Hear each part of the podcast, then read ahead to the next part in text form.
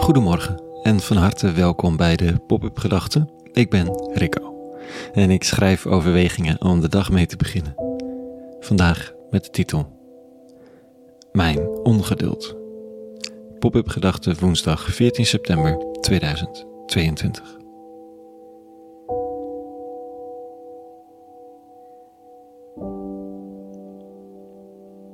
Het duurt me al gauw te lang. Het wachten of het voorbereiden of het uitvoeren. Er zijn heus wel momenten dat ik alle tijd kan nemen en het geduld groot genoeg is om te blijven werken aan iets wat waarde heeft. Maar ongeduld ligt me zoveel nader aan het hart dan geduld. Kijk maar naar deze pop-up gedachten. Ik wil wel stilstaan, nadenken, schrijven, maar er moet wel elke dag iets geleverd, elke keer iets op papier. En dat werkt in het geval van de pop-up gedachten onwijs goed voor mij. Maar als ik buiten sta te wachten tot de kinderen een keer voldoende focus hebben om zowel de schoenen als de jas als de schooltas en de fietssleutel mee naar beneden te nemen, zodat we naar school kunnen fietsen, dan sta ik mezelf daar op te vreten. Eén bonk ongeduld. En er is een vorm van ongeduld die lastiger en ouder is dan deze huis, tuin en keukenvoorbeelden. Het is een soort spiritueel ongeduld, ongeduld voor de route van je leven. We weten allemaal wel dat je er niet in één keer bent als het gaat om je vorming, begrip op zielsniveau van wat je te doen staat.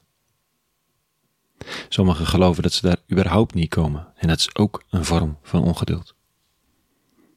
Hoe moeilijk is het om keuzes die je hebt moeten maken omdat je hart, of misschien wel God zelf of het geweten je ze ingaf, om die keuzes vol te houden als ze niets lijken op te leveren.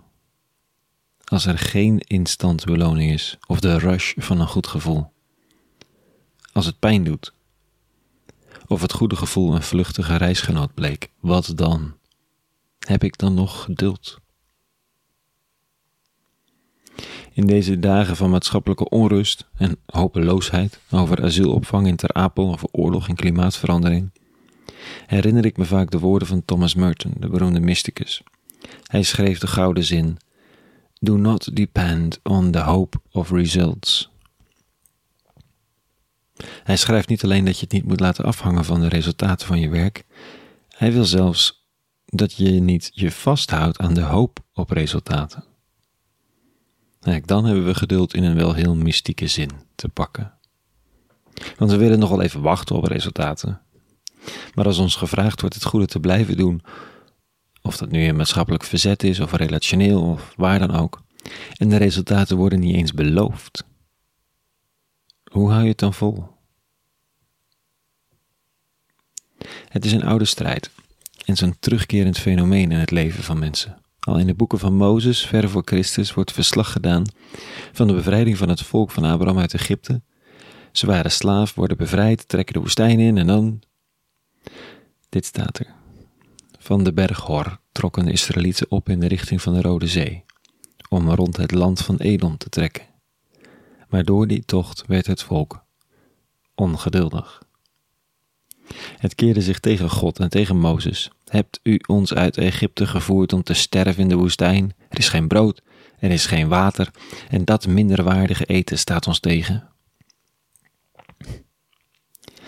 Op persoonlijk niveau, spiritueel niveau, maatschappelijk niveau is er iets prachtigs gebeurd. Bijvoorbeeld, je bent bevrijd en je gaat met je nieuwe bevrijding onderweg.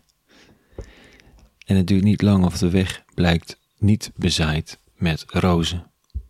Er blijkt geen presenteerbelaadje te zijn waarop je wordt rondgedragen. Nou, moppert de Israëliet. Dat hoeft nou ook dan weer niet, maar we gaan hier wel dood van de honger. En dat eten is niet te hachelen.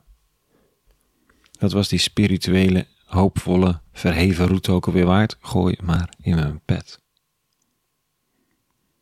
Het wordt het refrein van de woestijnreis. En nu eens gaat die woestijngod die hen uit Egypte leidde, de eeuwige enige, in op hun wensen, dan weer volgen er woedende straffen. Het is alsof een lichtgeraakte godheid en de nukkige mens aan elkaar proberen te wennen. Ik herken mijn eigen ongeduld in dat volk en dat is louterend. De weg om te gaan in mijn leven is niet gemarkeerd met succeservaringen, goede gevoelens en montere momenten. Het is dus soms koud of te heet, soms hongerig en eenzaam. Maar dat zijn geen tekenen dat je niet goed zit. Daarvoor moet je terug naar de start van de route, naar de keuzes, naar de hoop die je koesterde, naar de eeuwige die je het leven gaf om met liefde, met verven, met waarde en met toewijding te leven. Tot zover vandaag. Een hele goede woensdag gewenst. En vrede. En alle goeds.